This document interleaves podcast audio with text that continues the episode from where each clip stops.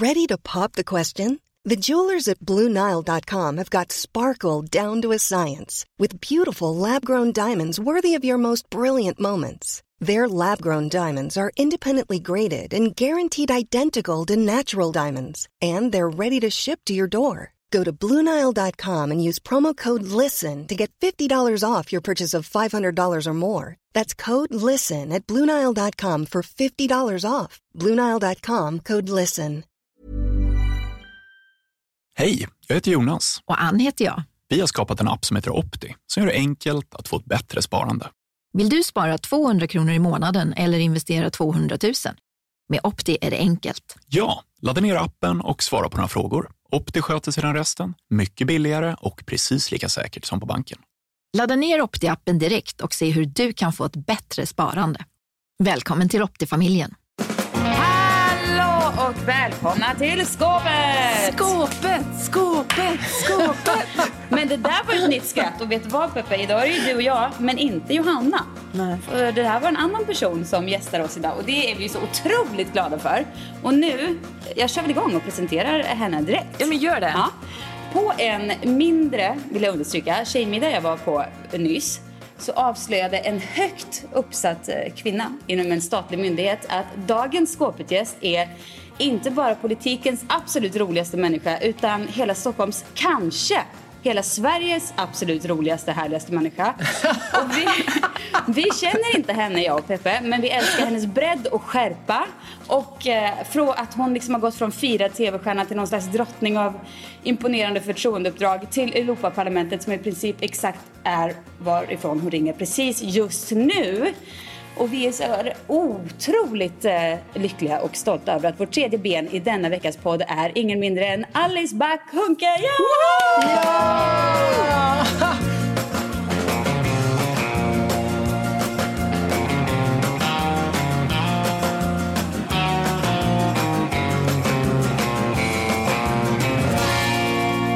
Åh, vilken fantastisk presentation. Kan jag gå nu? Ja. är det klart nu? Ja, Nej, Tack. det var bara början.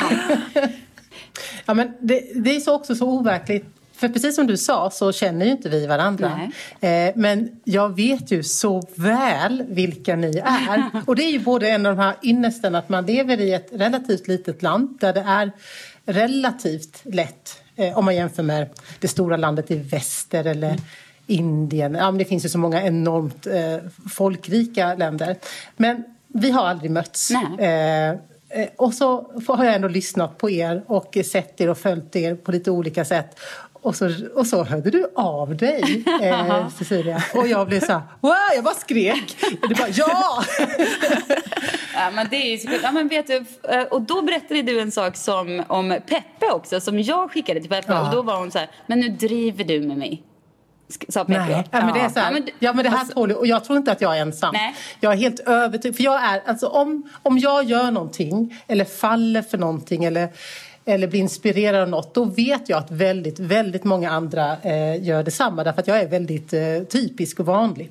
Och det det här klippet Peppe, när du eh, hoppar på hästens rygg. Där du står och avvaktar och du, du ser så jäkla cool ut. Du har en vit t-shirt och du har svarta tajta eh, jeans. Och det är liksom filmat uppifrån en höjd och, och hästen ligger där.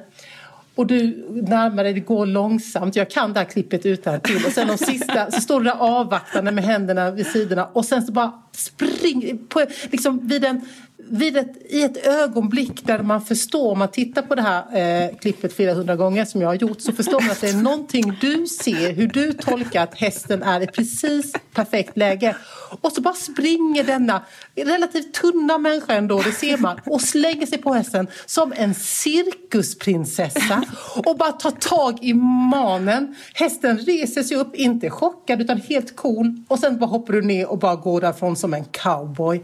Och det är så jäkla cool och inspirerande och när jag har tittat på det då 400 gånger så har jag känt i hela min kropp, i, i varenda cell, att allt är möjligt. Allt är möjligt. Men alltså, Eh, Och jag är så glad för det Men här klippet. herregud. Nå, tack för att ni har lyssnat på Skåpet den här veckan. Superroligt. Vi behöver inte säga någonting mer här.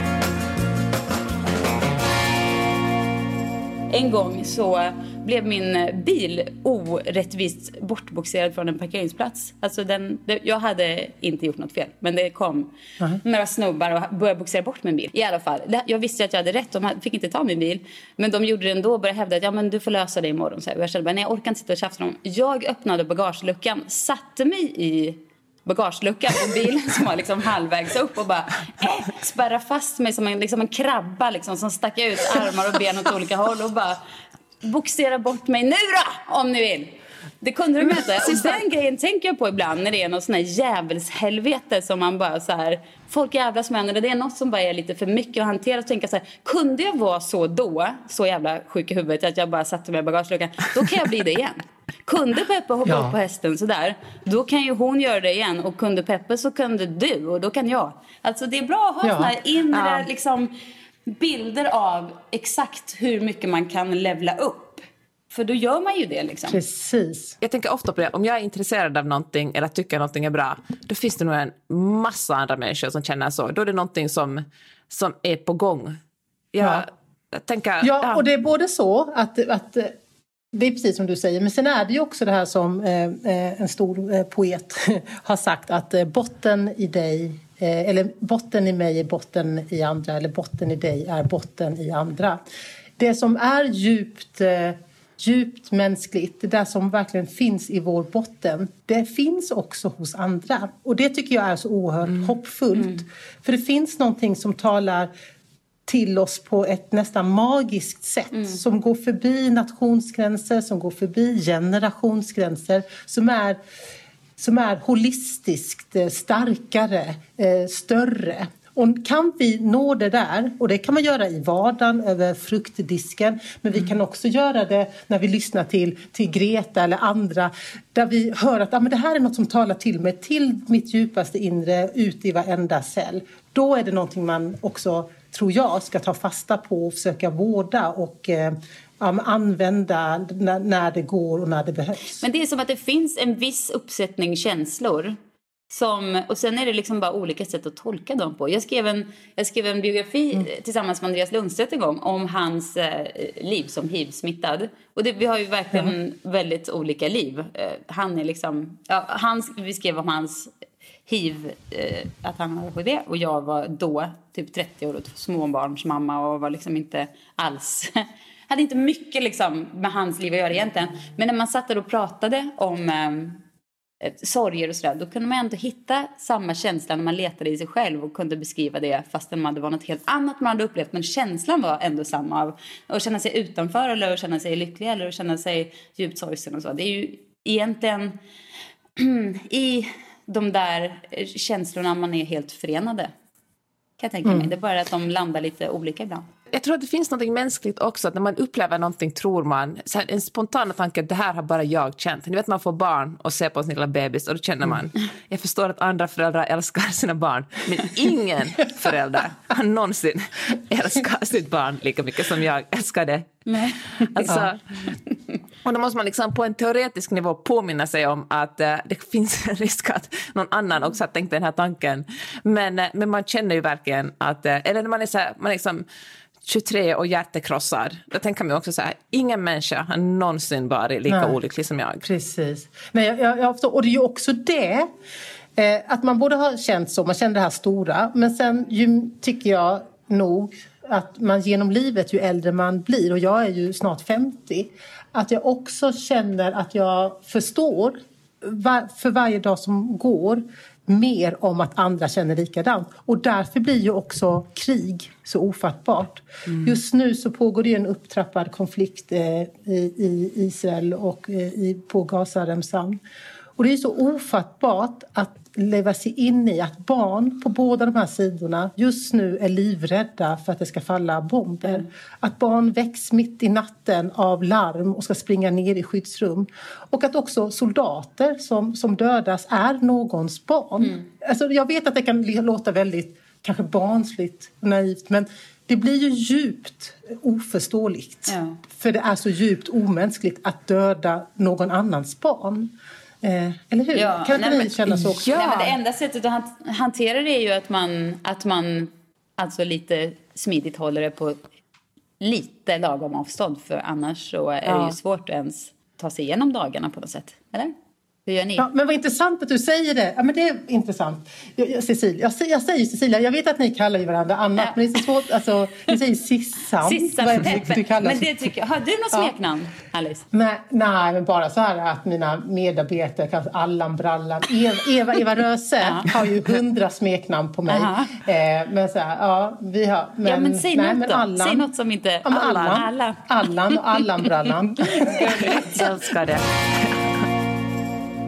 just i, i förmiddags eh, när jag tillsammans med mina medarbetare, vi har en sån nyhetsgenomgång från vad som har hänt i världen, har vi varje morgon. Och eh, då var det ju förstås mycket om den upptrappade konflikten eh, på Gazaremsan och i Israel. Och då, då blev vi berörda och vad vi läste och vad vi hade läst under natten från olika världsdelar kring vad som faktiskt håller på att ske igen. och hela liksom, den här stora konflikten som ju har pågått i årtionden. Men då sa jag till mina medarbetare att jag, jag är så glad för att jag är eh, organiserad, att jag är partipolitiskt engagerad, att jag har en plattform. Och det blir så svårt att förstå eh, hur människor som inte har en plattform, om man inte är aktiv i någon förening, det behöver inte vara ett politiskt parti, om man inte har ett engagemang i en kyrka eller någonstans där man arbetar för en bättre värld, hur orkar man då leva? Men då sa min medarbetare Joakim, ja men jag tror att de då måste man nog välja bort att titta på nyheter ja. eller lyssna på nyheter. Mm. För kan man välja bort det att, precis som du sa nu, Cecilia, mm. om man kan välja bort att, att se att det här faktiskt pågår, då kan man ju faktiskt leva ett liv utan att påminnas om att barn just nu dödas. Jo. Men om man är medveten om det, då blir det ju väldigt svårt. Ja, så är det ju. Alltså, man måste ju välja lite sina, sina dagar och stunder, tycker jag, när man liksom kan hantera och liksom full insikt i eh, diverse misärer som händer. Men du, Alice, du, Allan, Brallan, du känns som en person mm. som... du känns ju som en person... Eller du är ju en person som är väldigt engagerad i ja, mycket. Uh, och det är ju, jo, fast jag, fast... Fixar du det? Går du inte sönder liksom ibland? Nej, Nej. jag skulle precis säga det. Att jag önskar ju att jag var... Jag tror att jag hade varit kanske ännu bättre på mitt jobb på mitt uppdrag som förtroendevald och som folkvald om jag hade kunnat hålla eh, en del eh, saker lite längre ifrån mig. Det, jag, eh, det tar jag och jag blir sämre och sämre på det ju äldre jag blir. Jag får svårare och svårare att leva med eh, att barn dör. Eh, jag, jag vill eh, jag blir så oerhört frustrerad och ledsen. Jag kan nästan inte prata om det nu utan att mm. bli berörd. Ja, och att svälten i Jemen, en av de största katastrofer som just nu pågår, där, har, där riskerar hundratusentals barn eh, att dö av svält. Eh, och det är liksom en konflikt som inte Jemens folk har orsakat utan det är liksom ett, ett krig där stormakter slåss om, mark och pengar. Eh, och allt det här får jag svårare och svårare att, att leva med. Peppe, hur hanterar du liksom, vad är du för, vart är du i det här? Alltså nu låter det som att jag är så här, stänger av. Men ja, det gör jag absolut, men inte alltid medvetet. Utan... Jag tror du gör det för att, det, eller jag tror att man, man gör det också för att man känner sig så maktlös. Ja. Och då tänker jag, vad kan man göra som, som eh, liksom sitter i, i, i sin, sin, sitt hem i, i, Sverige eller i Santa Monica för den delen. Vad kan man eh, göra för att känna att man hjälper de här barnen? Ja, men det finns ju, och det är det jag också tycker att det finns så otroligt många fantastiska möjligheter. Eh, vi har ju i Sverige och i många andra länder så finns det ju många civilsamhällesorganisationer, alltså NGOs. Eh, alltifrån allt ifrån Röda Korset till Svenska kyrkan till UNHCR, eh, Rädda Barnen. Det finns ju Läkare utan gränser. Det finns hur många organisationer som helst. Jag nämnde bara fem stycken, det finns 50. Eh, som är otroligt kontrollerade, som bedriver ett fantastiskt professionellt arbete genom att samla in pengar. Och, då, och vi vet ju att en krona, fem kronor spelar roll. Det är liksom mat och näring så att barn inte behöver dö av svält. Och bara det att då skänka fem kronor eh, i veckan eller i månaden eller för de som kan 50 kronor så gör man skillnad. Det är liksom ett enkelt sätt att verkligen göra stor skillnad. Eh, så det skulle jag säga, det är ju ett sätt. Och ett annat sätt är ju att att tala om det. För det finns ju också de som vill men som inte har de där fem kronorna eh, så är det ju också i Sverige. För de behöver man köpa makaroner till sina egna barn för. Men då bara tala om det. Tala om de här sakerna eh, runt fikabordet. Kanske inte varje fika, eh, men någon då, gång då och då. Hur vi sitter man där ensam till slut och bara, men Leffe, hallå, nej. Ingen som vill prata om en till slut. Ja, men sen så tänker jag att något, eh, något som jag också försöker påminna mig själv om och som jag säger till, till mina barn och till mina vänner och, och medarbetare det är ju att också ha roligt och njuta av allt det som vi kan njuta av. Ja. För det är ju också att eh, respektera och akta livet Ja, och liksom. Moder Jord. Ja. Eh, att inte vara tacksam, det är ju att eh, att, att pissa på människor som lever i misär. Men Eh, jag- Att inte vara tacksam för allt det vi har. Nej, Mm. det, jag kan verkligen hålla med. Det är få saker som liksom gör mig så här mer direkt provocerad en vanlig dag. Om man inte vet hur mycket man har att vara tacksam för, särskilt om man är svensk, då behöver man öppna ögonen lite till kanske. Hej, jag heter Jonas. Och Ann heter jag. Vi har skapat en app som heter Opti som gör det enkelt att få ett bättre sparande. Vill du spara 200 kronor i månaden eller investera 200 000? Med Opti är det enkelt. Ja, ladda ner appen och svara på några frågor. Opti sköter sedan resten, mycket billigare och precis lika säkert som på banken. Ladda ner Opti-appen direkt och se hur du kan få ett bättre sparande. Välkommen till Opti-familjen. Det är dags att säga farväl till och hej till Dracarys. För HBO Max är här. Streama allt du älskar, bland annat The Suicide Squad och Zack Sniders Justice League. Spara 50% livet ut så länge du behåller ditt månadsabonnemang. Registrera dig på hbomax.com senast 30 november. Se villkor på hbomax.com. Jag lyssnade på en eh, så intressant podcast här om eh, veckan som jag... Ni vet vissa saker som man läser och lyssnar på så märker man att det ploppar upp i ens tankar flera liksom, långa flera dagar eller veckor eller månader efteråt. Och eh, det var The Daily Podcast i eh, New York Times som handlar om Japan och hur det är ett jättestort problem i Japan att kvinnor inte längre vill gifta sig och få barn. Och orsaken till att de inte vill gifta sig och få barn är för att, de, för att det är ett så ojämli, ojämställt samhälle. Alltså, om man har barn så förväntas man också som kvinna då ta hand om allt hushållsarbete och ta hand om allt som har barn att göra. Och då har kvinnorna helt enkelt löst det med att välja att jobba, få en lön och inte leva med män.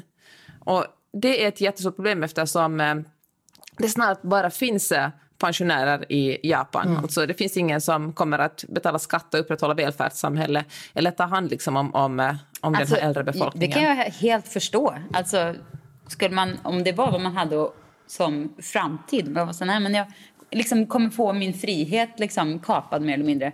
Nej, då kan jag förstå att man hellre... Absolut Ja, man kan hellre. förstå det. Jo, jag kan också förstå det i teorin, men det blir väldigt mycket svårare att förstå när man har barn. Ja, ja, exakt. för Det precis som- förutsätter att man inte vet om vad det ger. Nej, alltså den där kärleken som är så eh, drabbande. Ja. Som du har känt mer än någon annan för dina barn. Mycket mer Absolut. än...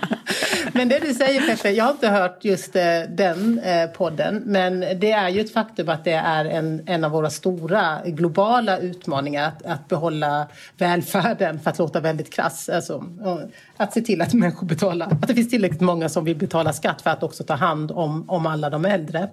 Eh, men det finns ju också en, en växande rörelse av kvinnor och eh, män eh, och allt däremellan som eh, tvekar över att föda barn därför att planeten håller på att eh, gå under. Eh, som inte vill föda barn till, till en värld där vi vet vetenskapligt belagd att klimatförändringarna kommer få förödande konsekvenser. Eh, Jo, men det och ju där, fast det där tycker jag så här... Jag, jag hör, men jag känner så här... Kliver man in i den eh, verkligheten, då har man Mm. ju liksom... eh, då har man ju gett upp lite grann. Ja. Ja, och det känner jag bara, får man liksom inte... Jag, alltså jag, jag, Ja, Eller tvärtom. Jag tror att de skulle säga att de... Att de är realistiska. ja, att de är realistiska och tar ansvar. Alltså att de mer, alltså, tar ansvar för det här ofödda livet då, som de eh, redan har bestämt sig för att inte eh, var, Jo, fast- ge. Ja, Eller- fast i och för sig, ja. det, det finns ju människor i, som lever under fruktansvärda förhållanden i, i svår fattigdom som skaffar barn. Eh, Mm. varför skulle liksom vi då, västerlänningar, eller förstår du, som Ja, men det, det är just det argumentet de har. Då säger de så här, ja, men vi, vi kan ju välja, vi har preventivmedel och så vidare. och så vidare. Vi kan välja att inte föda. Eh, ja, jag tror de skulle argumentera mot dig. Men då tänker jag att eh, alltså, ja, gränser, ska vi verkligen ha dem? nu kommer jag in som väldigt radikal här. Men i det här exemplet i, i Japan, det här var något som jag, jag har liksom läst förut om att, att japanerna, att liksom folk, befolkningstillväxten inte ökar där, utan, men, men det som jag inte visste var att det är så otroligt svårt att immigrera till Japan. Mm. Alltså, man måste, det är praktiskt taget omöjligt. Man kan eventuellt komma in som, som arbetskraft, men då måste man också lära sig japanska och, liksom, och det är också en kvot på liksom några hundratusen om året. Det här Japan är ändå ett jättestort land. Men då tänker jag att är det verkligen så viktigt att vi sitter här och håller på våra gränser? Det finns ju Nej. folk liksom. Vem bryr sig, känner jag. Det, Ja, nationalgrej.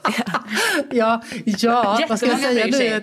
Men egentligen? Ja, jätte, jo, men ur ett, eh, vad ska man säga, återigen ett liksom mer holistiskt visionärt perspektiv så vore det ju fantastiskt om vi kunde använda eh, och bruka och vårda vår planet på ett sätt eh, med allt vad det innebär, alla ekosystem och alla människor på ett sätt som skapade bättre förutsättningar för fler. Också för de gamla i Japan som behöver folk som tar hand om dem. Men att i, i dagens läge eh, eh, så eh, är det ju väldigt utopiskt. Oerhört utopiskt. Tvärtom. Jag vet när jag pluggade statsvetenskap så var det ju, fick man ju läsa, jag vet inte om det var likadant för dig Peppe, för du har väl också läst att, ja, du kanske ja. också Cecilia, jag vet inte, men i alla fall. Tyvärr. Men då, då, då, fick man ju läsa om att nationalstaten var död. Det var ju många sådana, mm. ja, kurslitteraturer var fylld ja. av detta och vi, så vi lärde ju oss, det här var ju flera, många år sedan, årtionden sen. Men då trodde man, då var det så här, mm. Jo, men det var ju typ så att nationalstaten är mer eller mindre död. Den kommer tyna ut och vi kommer mer leva på andra sätt. Eh, och ja, eh, med globala förtecken och så vidare. Men det har ju gått i rakt motsatt riktning. Men, det har det, men tänk om det är pendeln som verkligen är på så många sätt så extremt långt åt ena hållet och snart svänger det. Jag tänker att det kanske är min största livslögn, snart svänger det. Nej, liksom men Peppe, du är, du är ju som livet. jag en evig optimist. Jag, kan, jag ser bara positiva så här, möjligheter i... Här, men det är bara det här, det är precis för att det snart ska gå åt andra hållet som vi håller på. Och det kan man ju tycka är så här korkat eller så. Men jag vill tro att lösningen framåt ofta ligger i den eviga optimistens liksom, ja. så här, liksom liksom bara obändiga tro på att det så här, att saker och ting kommer lösa sig på olika sätt. Oklart hur, men att det gör det. Och någonstans där brukar det ändå finnas någon form av så här, väg framåt ju. Ja, nej, men det är jag övertygad om. Ja, det är det. Och jag tänker att man måste kanske ha en verkligen helt utopistisk vision för att kunna orka eller ja. för att kunna ta sig åt ett visst håll. Om man, om man liksom drömmer för lite då, är liksom, då blir det riktigt aldrig någonting. Men om man sätter någonting som verkligen kanske låter lite osannolikt idag som att, eh, nej men vi talar om Elon Musk som jag verkligen inte gillar for, for the record, men liksom om att han, förra avsnittet, om att han liksom ska bygga en, han ska ha oss alla att bo på Mars när den här jorden inte står ut med oss längre. Och det låter ju som en galen vision, men jag tänker att äh, det är väl bra att någon tänker så för att då får vi andra liksom öppnar det upp för oss andra lite mer. Jag håller med. Eh, jag tror att de Elon Muskisarna, de behövs. Eh, sen så kanske man inte skulle orka vara gift med honom. eller ens jobba med honom eller bo på samma gata. Vem vet. Men det är klart att det behövs människor som är, är gränslösa. Problemet är väl att eh, allt för många eh, genier, som de ofta eh, kallas, eh, har ju den här gränslösheten som också kan slå åt helt fel håll. Så vi behöver ju ta någon sorts kollektivt ansvar för att, att inte begränsa dem för mycket. De ska ju ha sin frihet förstås. Men samtidigt vara vaksamma med att de, att de inte bara har ja-sägare runt omkring sig och att vi, mm. för en, att vi lever, har demokratiska samhällen där vi kan föra en kritisk debatt även mot våra så kallade genier som har väldigt mycket pengar och eh, ja. ja så vidare. Men vad är det handlar om, vad, alltså, vad, vad, handlar det om att vi vill se människor så otroligt... Antingen är man ett geni och då, får man, då finns det liksom inte någonting den personen kan göra fel för då dyker det upp ett gäng som vill försvara den. Eller så man inte är ett geni. Det är ju, alla människor är ju ändå... Gud, vilken otroligt lam spaning. Någonstans däremellan, är det det du ska säga? vet, du vad jag, vet vad jag och min, eh, min man brukar kalla det för, eh, det du gjorde nu, eh, Peppe? Och det gör vi med kärlek. Det är så här baksätesfilosofi. Och det har vi från den ja. första gången som Johannes skulle träffa mina föräldrar. Alltså, det här är ju väldigt länge sedan, kanske 20 år sedan. Och eh, min pappa som ändå är så här ja, men så stolt eh, svart man och som tycker att hans dotter är det liksom vackraste och bästa i hela världen och de här pojkarna ska minsann, ja ni vet, alltså, han uppfyller ja. alla så här nidbilder eh, men också alla eh, romantiserade bilder av så här, fadern. Oh. när Johannes då skulle träffa honom så hade ju först då min pappa varit så här otroligt kritisk. Vem är han och vad har han gått för utbildning och var kommer han ifrån och så där, ställt alla så här frågor som jag bara svarade, men det ska du väl strunta i, nu kommer han med mig hem var snäll. Mm. Så sitter vi då i bilen och jag sitter där fram och Johannes sitter i baksätet och min pappa kör. Och eh, Johannes är lite nervös så han pratar på och munnen bara och munnen bara går. Och jag, jag, tänker så här, nu ska det nog vara lite tyst. För att, eh, och han pratar och pratar och pratar och min pappa bara säger ingenting. Men jag ser hur min pappa så här, vill inte titta på mig för min pappa vill liksom himla med ögonen åt den här den lilla pojken som sitter där bak och bara bla bla bla bla bla. Och så säger plötsligt, så är det någonting, så plötsligt så gör Johannes en paus så att radion hörs. För P1 var på hela tiden under hela färden hem från liksom, tågstationen hem till mina föräldrars hus. Och då säger Johannes så här eh, så, så är han tyst en sekund och så har de sagt någonting på radion om vädret. Och så säger Johannes så här, ja, men det är ju ändå fantastiskt att, att, det, blir, att det alltid kommer regn, eller sol efter regn.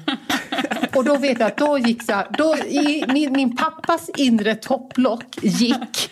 Men jag ser bara att min pappa bara tittar på mig med en sån blick så att jag började gapskratta för den blicken var så här du har tagit hem en idiot och det är lika bra att vi vänder bilen och sätter honom på tåget igen. Så, och, det där, så, så, och då så skrattade jag och så sa jag så här, ja, eh, sitter du där bak och eh, sitter du där och baksätes filosofera, sa jag till Johannes. Så sen dess då, sen 20 år tillbaka, och då tystnade Johannes, så har vi alltid när någon säger någonting som är sant, för det var ju sant att det kommer sol efter regn liksom.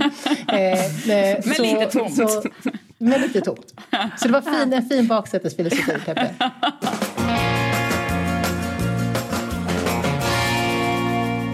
Eh, jag vet att jag var någonstans i världen när 9-11. Då in, när mindre än ett dygn hade gått så hade han gjort liksom en flyktplan. Hur jag skulle, för han, var var jag? Kan det varit så att jag var i någonstans i södra Afrika? Jag var någonstans i världen i alla fall. Då hade han, under, på mindre än 24 timmar hade han liksom gjort en karta över vad de amerikanska baserna var. Hur jag skulle, han hade ringt så här, eh, någon chaufför som skulle köra mig till någon gräns och så här, satt in pengar på något... Jo, ja. han är en sån han är som en Navy-soldat ja. som gör liksom vad som helst för att Men jag få känner, skydda vet du, Jag känner lite så här, det var någon som sa på en, i helgen, en kompis jag träffade, eller om det var min syster, jag vet inte, vi pratade om det i alla fall i helgen, um, att, uh, att man som förälder uh, delvis blir det man saknade i sina egna föräldrar. Mm. Alltså, vilket ja. ju är ganska sant. Det är ju inte bara så, men får man plocka upp det som man kanske tyckte om också. Men man, man, man blir ju ganska mycket det som man saknade som liten. Och jag saknade verkligen det där. Och jag kan absolut se att jag skulle kunna bli mamman som rycker ut liksom, i minsta, ja. min, för minsta när det krisar och man fixar och man löser och man har liksom, en plan hela tiden. Så. Ja, det finns ja. något så, så, här, så här romantiskt nästan över det. Ja. Jo. Ja, nej men det köper jag också. Det, faktiskt, det säger vi ofta till våra barn. Vad som än händer, kommer vi alltid att hämta hem er. Mm. Alltså min man åkte ju till Uh, vår son som är 11 han hade en, en uh, sleepover hos en kompis och de åkte till Palm Springs som ligger ungefär två timmar öster om, om LA. Och uh, efter dag två, de skulle stanna där i några dagar, och efter dag två så ville 11-åringen hem och då satte sig Magnus, klockan var tio på kvällen, satte han sig i bilen och, och hämtade, ja. liksom, körde hela vägen. Och, men då kände jag att det kanske, jag undrar om jag skulle ha gjort det. Jag tror att jag är mest en som... Jag tror, att han, min man älskar våra barn mer än jag. Nej, men, det kan bara betyda det. jag gör det. Men jag har verkligen mer...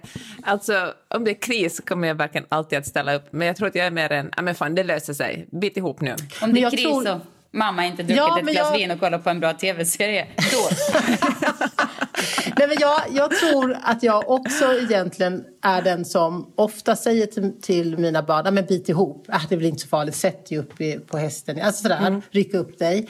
Men Eh, det är bra att vi talar om det här, för nu när vi talar om det så, så vill jag ju också att de ska känna den där, att man har en fast bas i alla fall. Om, man, om allt annat skiter sig. Och det vet jag ju att när jag var... Jag vet att när jag skulle efter gymnasiet och man sökte till universitetet och man gjorde liksom för sig själv så lister, vilka alternativ man hade. Så gjorde jag det. Så hade jag så från 1 till 10. Och jag trodde att alla andra också gjorde det. Så, mm. eh, så började jag tala med några av mina klasskamrater. Och så sa jag, ja, men vilka alternativ har ni? Och så sa jag, det var under sommarlovet. Och då sa någon, nej men jag kom inte in på den kursen så nu vet jag inte vad jag ska göra. Och då frågade jag det självklara, ja, men vad var ditt alternativ efter att inte komma in på den kursen? Och då vet jag att hon sa, vadå? Nej, jag hade bara ett alternativ. Och jag blev så upprörd. Jag bara, hade du bara ett alternativ? Vad är det för bortskämd eh, inställning till livet? Du måste ha tio alternativ. Blir det inte A, då blir det B. Blir det inte B, då blir det C. Blir det inte C, blir det D och så vidare. Och så, vidare. Och så visade jag henne min lista. Titta här, här är min lista. På tionde plats. Jag har liksom nio saker jag hellre vill. Men längst ner så står det flytta hem till min mamma och pappa. Då vet jag att jag får tak över huvudet och jag får mat. Va? Och det är inte så jäkla illa om man jämför med andra människor har det i världen. Och det där har jag ju försökt att lära mina barn. Alltså man kan inte tro, vi ska ju sträva efter det vi allra helst vill. Vi ska sträva efter våra drömmar och vi ska ha höga ambitioner och visioner. Men vi kan inte bara sätta oss och pilla oss i naveln om det inte blev så. Nej, då var det för, för att andra var bättre liksom just ja. då. Eh, och så vidare. Nej men, nej, men det är verkligen, eh, verkligen sant. Och det, där, det här är också min, min fördom om eh, dagens ungdom. Nej, men av en generation som är liksom... Du sa det, Susanne. Ja, jag Säg sa det, igen. det. Jag sa det. Nej, men liksom 90-talister. Det, är min, det är min absolut starkaste fördom om dem. Drivna, härliga, inte några som... Alltså, personer som definitivt har sätta sig i baklucke-aura totalt, 100 procent. Men de är också så här, eh, så här... Ja, jag vill göra det här, annars så kan det... Alltså att de inte så nöjer sig med... Alltså de har inte liksom kämpatågan i sig. Det här är bara fördomar, jag säger det igen. Men eh, jag vill ändå hävda att de är förmodligen ganska... Förmodligen men då är det ju deras föräldrars fel, eller hur? Ja, men det kan väl också vara så här, gen, olika generationer har väl ändå ganska lite så gemensamma liksom, drag. Att det, är ändå, ja, men det kanske är föräldrar, ja, okej, det är föräldrarnas fel som kanske har liksom, inte riktigt ingjutit det där att man behöver, måste kämpa lite för saker. Man kanske inte blir exakt precis som man vill ha det, men det kan bli bra ändå på något sätt. Mm. Fast jag tycker det är så svårt. Jag, hade, jag har underbara föräldrar men jag kände att jag aldrig fick liksom lite, mm, eller något som helst... Eh, jag fick aldrig en karta om vad som är möjligt att göra.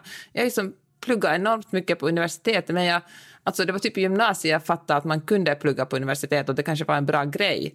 Och jag tänkte att det har alltid därför gjort mig till en ganska så late bloomer. Jag var otroligt barnslig så mellan 20 och 30. Det var först efter 30 som jag fick någon slags vettig personlighet. Och jag tänker att om mina föräldrar hade varit bättre på att eh, nej men, hjälp mig göra den här listan Alice, som du talar om. Förklara att det är bra att göra så här. Det här kan du göra, det här kan du, och på plats B kommer det här, C, D. Men, men jag hade liksom hela inte poängen att man ska på... skapa sin egen sån där lista då? Det kan ju inte vara någon som berättar den för en. Då är det ju liksom... Nej, men jag hade, jag hade liksom inte ens koll på alternativen. Nej, nej. Jag verkligen... Jag bara gled omkring och liksom hoppades att det skulle bli bra, och det blev ju bra. Liksom. men, men, fast, eh, jag tänker att... Eh, jo, men jag tror ju... Alltså, också ur ett perspektiv av, av att hur världen ser ut. Alltså, jag, tror, jag vill säga att det nästan är ju intellektuellt att kunna sätta hitta saker också som rör livet i stort och andras liv, för vi hänger ihop i perspektiv mm. och kunna dra ut trådar. Och jag skulle säga att det nästan är en liten anti-intellektuell livshållning att bara stirra sig blind på en fläck. Eh, för det är ju också att att underminera kraften i vad det är att vara människa, att möta andra människor, att vara öppen för att det finns andra dörrar. Förstår ni hur jag menar? Ja, verkligen! Ja, och det ja, tänker jag, verkligen. det vill jag i alla fall som förälder, så vill jag att de här barnen som vi har satt till livet, jag vill ju att de ska vara öppna, eh, reflekterande, kritiskt tänkande men inte fastna i, i, i smala spår utan förstår att livet kommer med en massa möjligheter. Viss, vissa givna förutsättningar som vi kanske på olika sätt behöver förhålla oss till men också möjligheter. Eh, och inte minst möjligheter i tanken. Om vi lever i en fri värld och vi fortsätter kämpa för att tanken ska vara fri. Vad ska du göra med de här olika tankarna? Hur ska du kanalisera dem? Va? Visa mig, måla upp en jäkla karta, ge mig lite, alltså jag vill, jag... nu låter jag som en galen mamma, men jag, det strävar jag efter. Jag skulle bli jättesorgsen tror jag, inte sorgsen, men jag skulle bli lite beklämd om någon av mina unga kom hem och sa jag ska nu gå ekonomlinjen och sen så ska jag börja jobba på banken. Eh, ja, ja, men om du inte vill gå ekonomlinjen eller inte kommer in på det, vad ska jag göra då? Nej, jag ska gå ekonomlinjen. Alltså, då skulle jag känna, vad fasen, du har ett liv. Va? Ska du inte jobba på cirkus? Eller ska du liksom bli sjuksköterska? Läkare utan gränser, en fantastisk organisation. Har du tittat på bilder från Sydafrika? Alltså jag skulle bli så här, för, eller hur? Alltså ja. ta vara på det här livet. Nej, men jag tycker, ja, och jag tycker, men jag pratade, ja, jag tycker nästan att det är det svåraste med att vara förälder, att veta när man ska pusha och när man bara ska hålla käft. Och liksom ja. låta dem få mm. vara sig själva. Jag, jag, jag blir jag, jag, jag har inga mellanlägen där. Antingen är jag liksom bara eh, så här, mm, där står du och, och blommar till din egen lilla personlighet. Absolut. För att sen fem sekunder sen, ja nu får du faktiskt ta och skär. Du kan inte sitta här bara. Du kan inte bara, du måste ta tag i ditt liv. Bara, jag är tio år, ja det ska börja se till. Jag tänkte också det ni sa, det här med kärleken. Jag vet att jag, när jag var gravid med vårt första barn, och då hade vi haft en, ett par missfall ganska tidigt innan, men jag var väldigt lycklig över att, att vara gravid och att jag nu kände att att det faktiskt var det sparkade och sådär. Att det här kommer mm. förhoppningsvis liksom fästa och vara kvar. Och då vet jag att jag var på Backateatern. Min, min man är skådespelare så eh, jag har haft eh, förmånen också att, att, både, ja, att vara mycket på teater och sådär. Och eh, då vet jag att vi såg en föreställning eh, och det enda jag minns och som jag drabbades av också när jag satt där i mörkret. Har ni varit på teatern en gång när det känns som att det bara är, de talar bara till mig? Och att det är som att, mm. som på så här filmiskt att alla andra människor bara suddas ut och det är bara jag och det som händer på scen. Alltså, alltså nu måste jag vara tvärtom. Men nej, ja. det har jag absolut inte känt. För jag, jag har varit på fel teater tror jag. Eller är liksom eh, inte har inte tillräckligt liksom, kulturellt kapital för att klara det. Nej, nej, nej, det är inte det. Nej, då är det har... fel teater. Men för då ja, jag sitter då... bara så här, gud kan ni prata normalt? Ni låter som att ni läser ett manus och blir galen. Oh, ja. ja. Oh, men oj, oj, oj, det finns så mycket. Ja, men och jag vet precis, och många, allt för många känner som, som du. Men det finns så mycket fantastisk teater. Och det här, Backa teater är också väldigt, jag vet inte om ni har varit just på den, men den är ganska liten och, så, och man är nära liksom golvet. Man står verkligen, och, och man får vara med om det här magiska magiska som jag tycker. Jag tycker att teater är de absolut häftigaste kulturutövningarna för att det, det händer liksom där och då och de står där och då och gör det här. Och nu mm. kändes det då, fast den var en full salong så var det som att de bara talade till mig. I alla fall. Jag kommer inte ens ihåg vad den här pjäsen hette. Det var en, en nyskriven svensk eh, eh, pjäs. Men en av skådespelerskorna hon läser, plötsligt tar hon fram en dikt eh, till sitt barn. Och jag var ju gravid så det är klart att jag var mottaglig. Men jag vet så väl hur hon säger i den här dikten. Och det här utspelar sig bara på några minuter. Hon säger att aldrig visste jag att man kunde älska så mycket. Det är alltså en av meningarna i den här dikten. Och jag och jag kommer att jag började gråta, för jag kände ju redan det att jag mm. älskade mm. det här livet som var i min mage. Och när jag kom ut så grät jag sen hela pjäsen och Johannes bara, men vad är det, varför gråter jag? Bara, men jag förstod liksom, hade jag, jag förstod vad hon sa. Jag, och så vet jag att jag talade med så förstod du vad hon sa och sådär. Och jag tänker ofta på den dikten fortfarande. Det är ju, fler, det är ju liksom, nu är det 18 år sedan alltså nu. Eh, hur eh, hur mycket mitt liv och mitt perspektiv och mitt sätt att vara har förändrats av det här föräldraskapet. Jag hade ju till exempel varit jag tror att jag hade varit modigare, jag hade tagit mer risker om jag inte hade haft de här. Jag hade inte varit så rädd och orolig. Det var ju så mycket man inte visste och det var väl tur det för annars hade ingen gjort barn om man hade Nej. vetat hur många starka känslor mm. som faktiskt skulle spelas upp inom en hela tiden. Det är så svårt att vara förälder Fast men det är ju också helt underbart. Jo precis men också starka känslor det är väl det som är Uh, alltså hade man inte haft dem, gud vad tråkigt det hade varit ändå. Kan jag känna. Alltså jag menar, jag, även om det är liksom, det är ju svårt att vara förälder, men man, eh, men, uh, nej men jag tror, jag, jag, jag ändå, jag måste, positivt överraskad måste jag säga över hela föräldraskapet. nej men jag blev för, gravid första gången helt, det var liksom inte planerat så. Jag hade precis, jag och min man hade precis träffats och sen ja, klantade han till det så att det blev som det blev. Kände jag då bara en jävla klant, vad har du gjort? Så kändes det. Dyrt.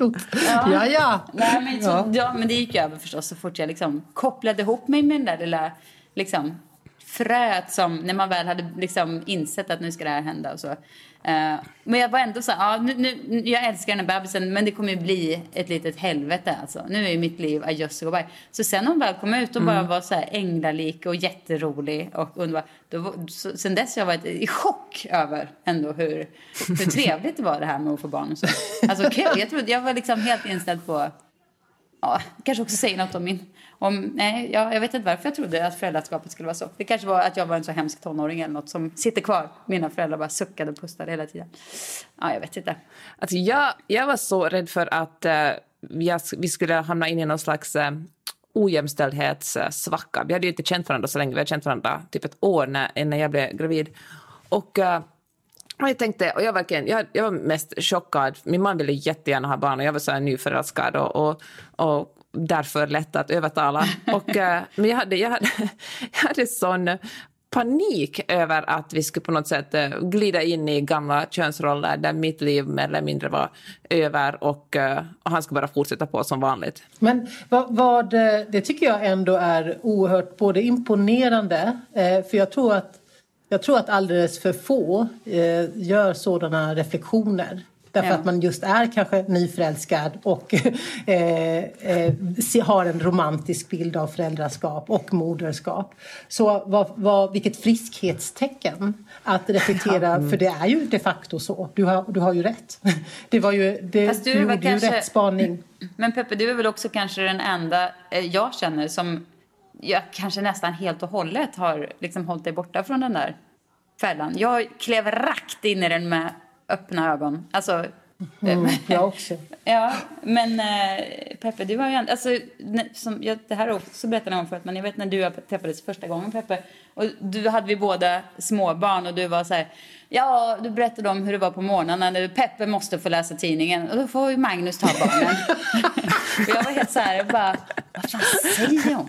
Är det ens lagligt att Sätta säga sådär? Min... Ja, pipan och tofflan Pipa, på. fötterna på, ja men precis. Magnus försiktigt masserar fötterna lite och bara kommer med en liten kudde, nyfluffad kudde. Annars ryter du på honom. Ja.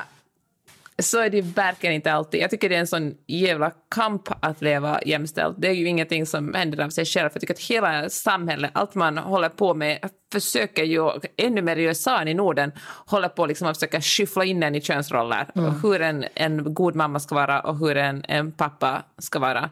Och jag tänker att alltid orkar man ju heller inte ta den där. Ska man liksom ha barn och ett liksom, yrkesliv och uh, hålla på och ha sig träna och ska man dessutom kämpa liksom, för att uh, leva jämställt, vilket är, är så svårt. Ja. Och, och det som jag, som det här säger mer om min lilla, mig som människa, alltså jag hade så svårt när vi flyttade hit till USA och så hela det här amerikanska systemet är ju uppbyggt genom att liksom en i familjen jobbar och den andra, alltså mamman, är hemma och liksom slutar jobba och får barn och liksom tar hand om, om barn och hushåll. Och, eh, och jag kände ett sånt, eh, jag har som en sån tvångs, alltså tvångsmässigt, eh, jag ville, jag ville tala om jämställdhet, jag var som en Jehovas vittne liksom på dörren.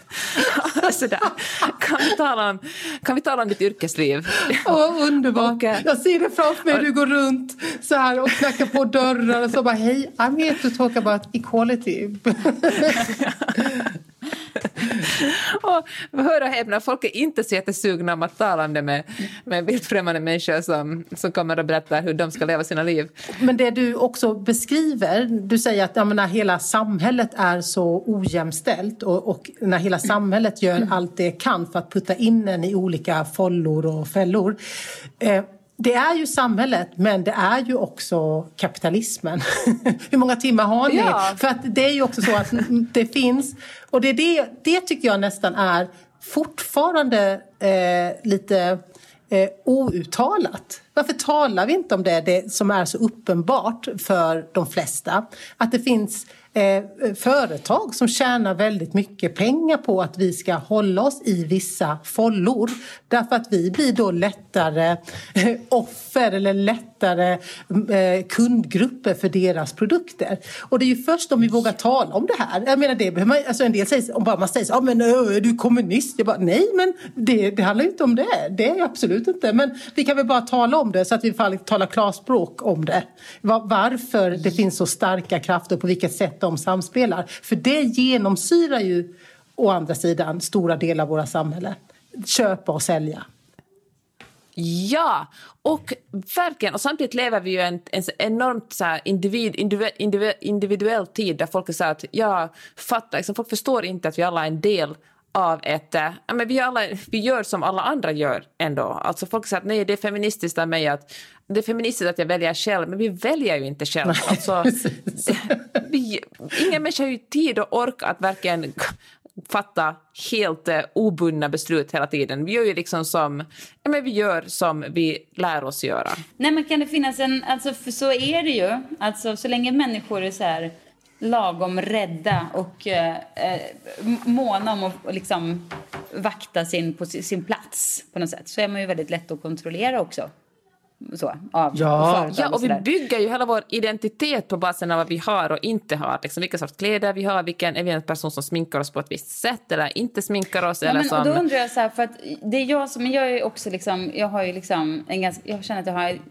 jag skyller väldigt mycket av som är dåligt världen på den klassiska, den där grå gubben jag ser framför mig när jag tänker på det här som bara liksom roffar åt sig och så.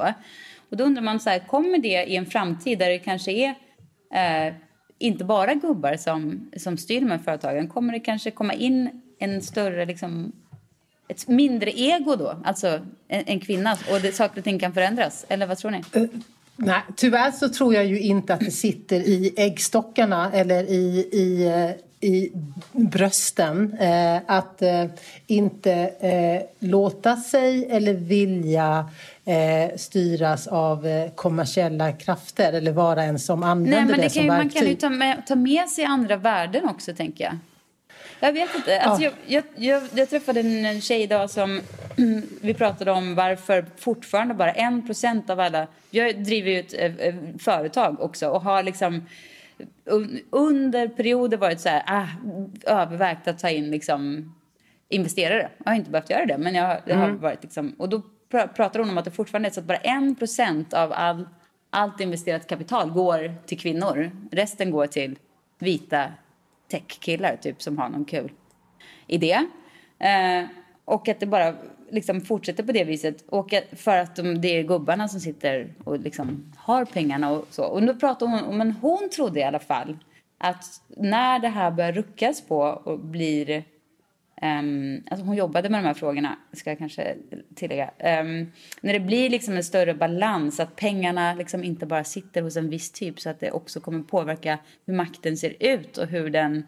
Att det kommer kanske värder, värden som eh, som inte handlar om att ha en jättevinst utan ett annat, andra värden ja. också kan få plats på kartan. Det ser, ju, det ser likadant ut i, i politiken eh, och i alla maktsfärer så är det ju eh, eh i stort sett alla eh, maktsfärer så är det, för, eh, är det en majoritet män.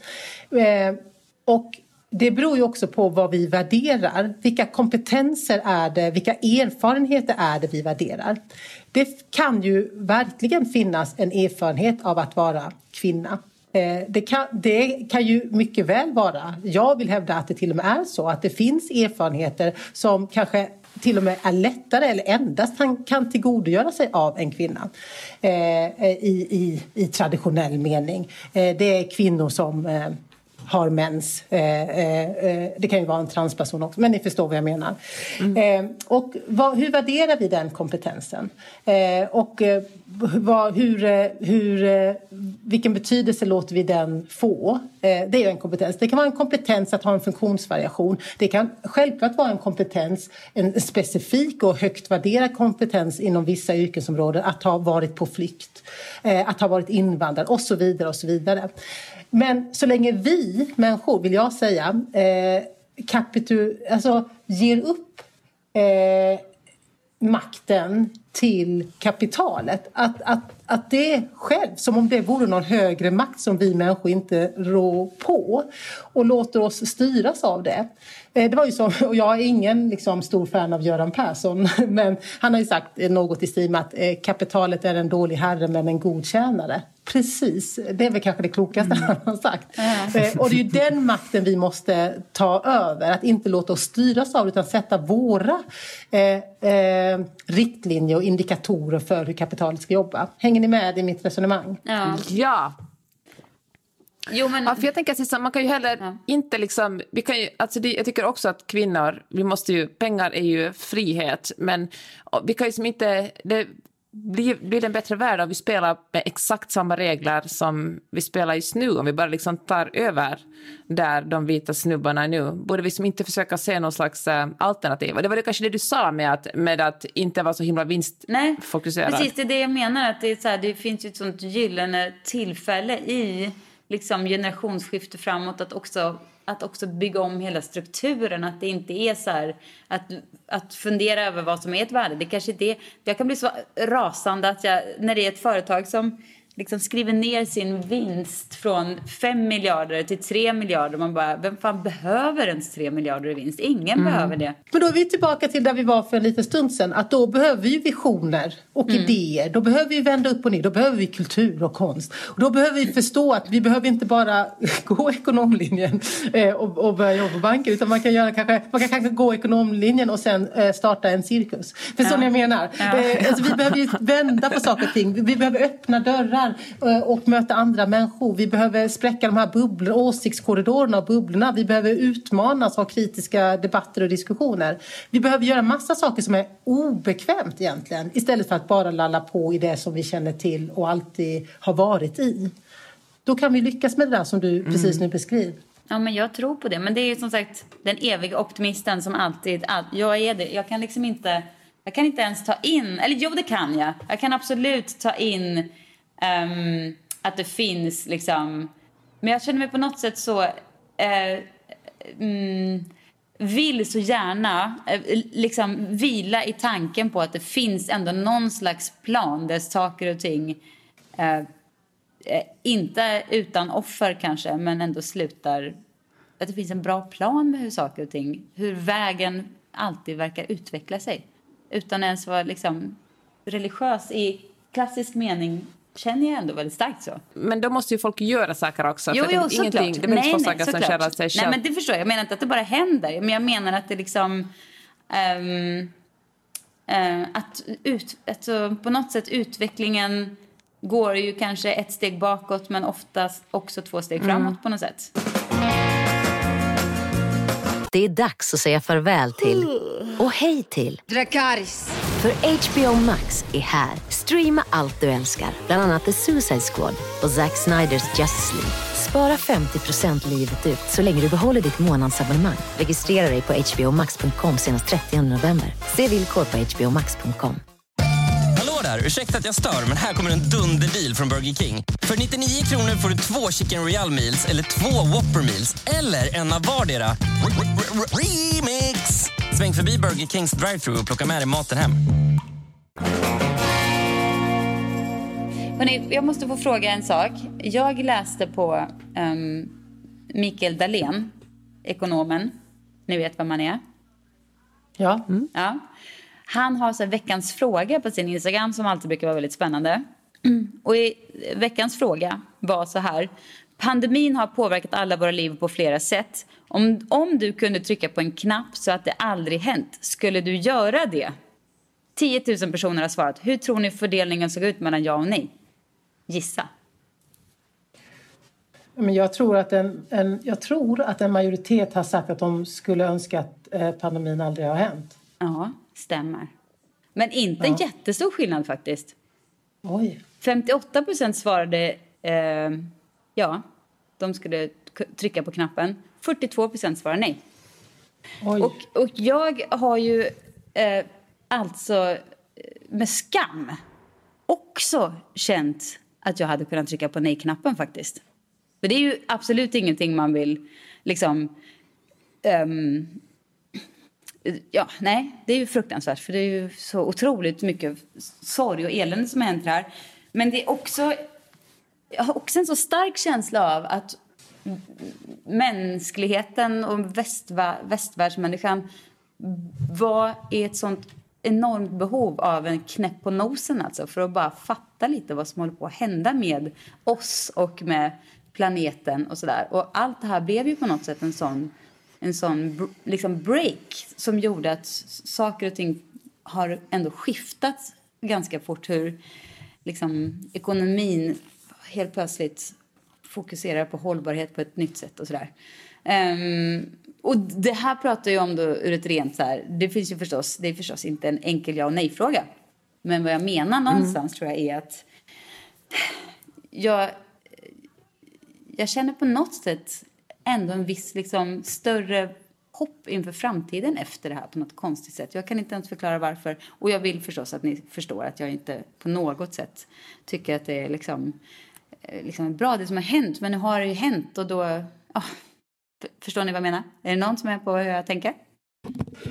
Ja, men jag tror, jag tänker att att eh, det är ju eh, modigt av dig att försöka eh, förklara och jag tror att de flesta förstår hur du menar. Ja. Men samtidigt har ju priset varit så högt Eh, för så många. Eh, ja. Det högsta, att, ja. att människor eh, har dött. Ja. Och det vi ser just nu i till exempel Indien, bland de fattiga allra mest, är ju fruktansvärt. Mm. mm. Och det är ju för sorgligt om, om det krävs pandemier och en sådan pass enorm katastrof som covid-19-pandemin fortfarande är för att vi ska förstå att vi måste ställa om våra samhällen. Jo, men, det, men har, vi inte, har man inte försökt eh, på så många sätt i så lång tid innan och inget har hänt. Och det kanske var liksom den här, eh, den här osynliga eh, planeraren, eller vem det nu är, som mm. lägger ut vår framtid i stigen som var så här, okej okay, nu får jag skicka på er det här. Men det är ju en jävla orättvisa att det alltid är de som liksom förtjänar minst kanske, som drabbas hårdast av sånt här. Det är ju en mm. jäkla olycka i det. I alla fall så blev jag ganska liksom min, mina skamkänslor inför att ändå kännas liksom någonstans lite så att, att man får ju särskilja också ett, den personliga liksom, erfarenheten och var, liksom, ett större perspektiv. Men om man, då, mm. om man ställer frågan till sig själv så kan jag ändå liksom se, jag vet inte, någonting att det fanns någon mening med det kanske. Det som är nedslående om man skulle dra ut i ett resonemang och det faktiskt skedde en förändring så mm. hade det ju kanske varit så att man i efterhand kunde se oj, det hände något fruktansvärt eh, men världen gick samman och bestämde sig för att det aldrig skulle ske igen. Tyvärr mm. så är det ju så när man tittar på politiken, både på EU-nivå, man tittar på vilken politik som drivs fram i USA, i Kina och i andra delar av världen, så gör vi ju inte vår hemläxa. Eh, vi vet ju att det kommer komma fler pandemier och vi vet vad vi måste göra för att stoppa dessa pandemier som kanske till och med kommer bli värre än covid-19-pandemin. Därom är liksom forskarvärlden eh, entydig. Vi vet att vi måste sluta eh, hugga ner eh, regnskogarna eh, därför att vi vet att det är en bidragande, en tydligt bidragande eh, orsak till att ekosystem rubbas och det eh, lägger en grund för ytterligare pandemier och så vidare. Så att så här långt i alla fall, när vi fortfarande är i pandemin, så kan vi inte se att vi, vi gör vår hemläxa. Och det är ju oerhört deprimerande. Jo, men vadå? Fast, nej, men man kan ju inte heller räkna med att det kanske händer um, så snabbt. Jag tycker ändå det är mycket positivt som på kort tid har ändå liksom skiftat. Men, men det kan ju inte hända kanske... Ja, jag vet inte. Det är ju så Vi har inte tid med att vänta, vi måste göra nu. Ja, det är ju det. Det är ju det också.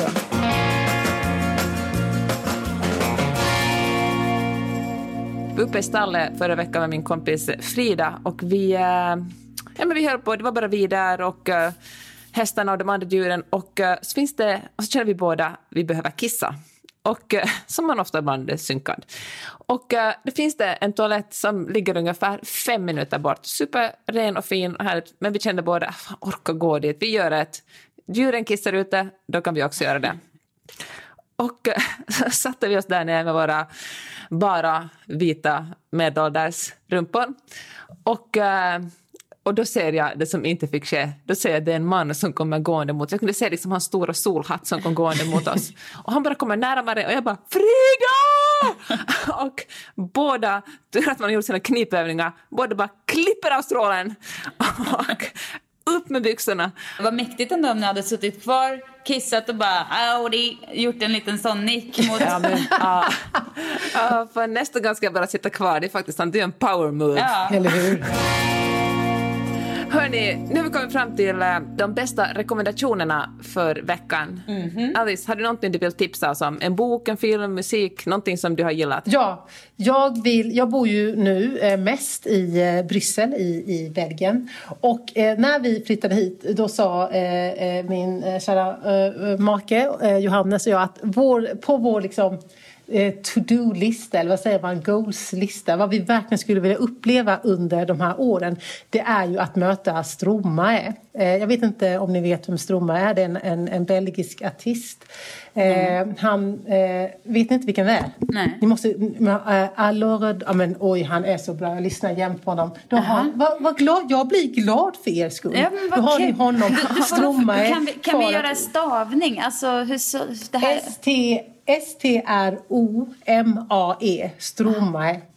En, en, fantastisk, eh, en fantastisk artist. Han gör underbar eh, festmusik. House, techno, ja men ni ska höra. Åh, kul. eh, med liksom eh, västafrikanska eller Nej, men det låter, här låter som exakt inslag. min musik. Oj, Ja. vad kommer gilla.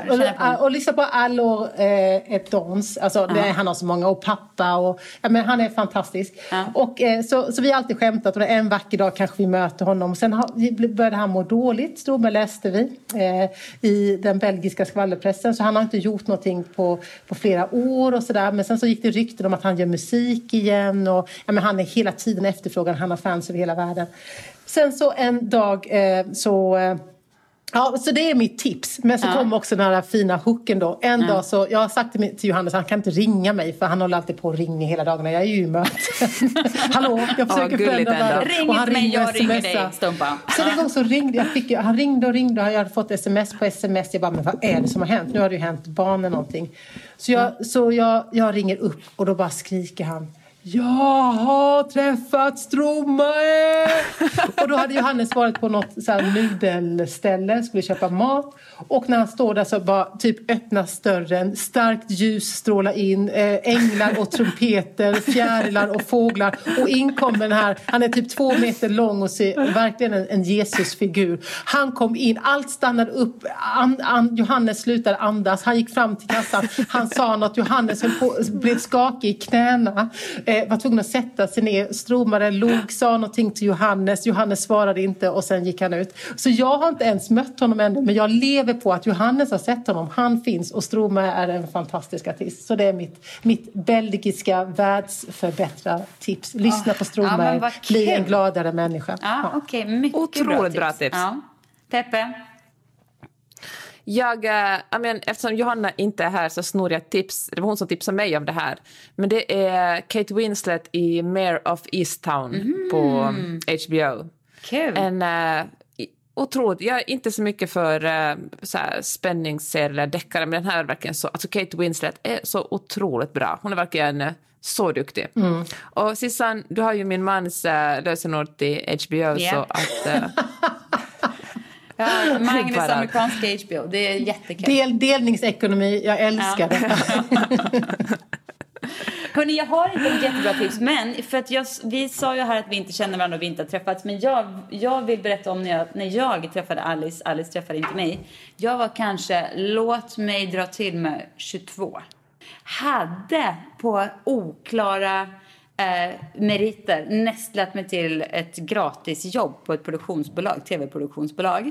Alltså, och sen till slut, så jag jobbade och slet där och eh, fick inget betalt. Hade också, hade- jag hade liksom skarvat kanske lite, men det var ju liksom ändå så här.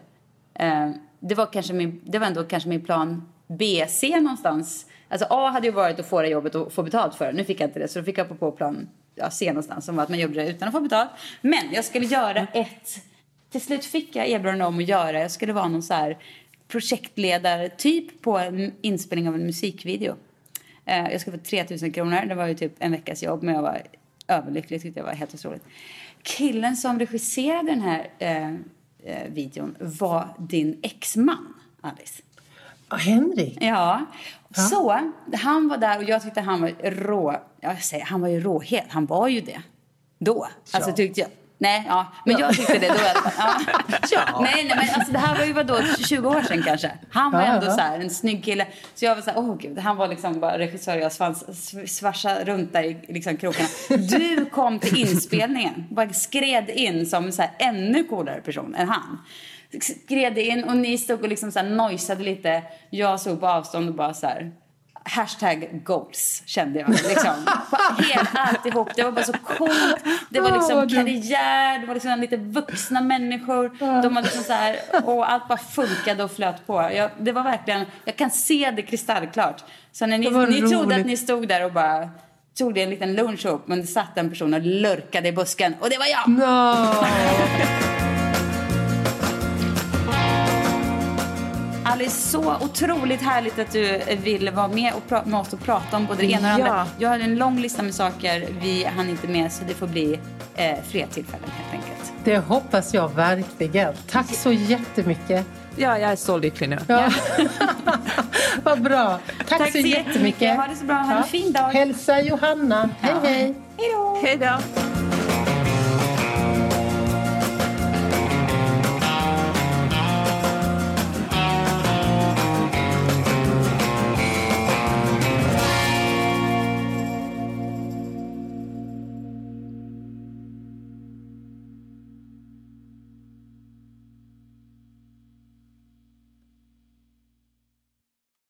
Hej, jag heter Jonas. Och Ann heter jag. Vi har skapat en app som heter Opti som gör det enkelt att få ett bättre sparande.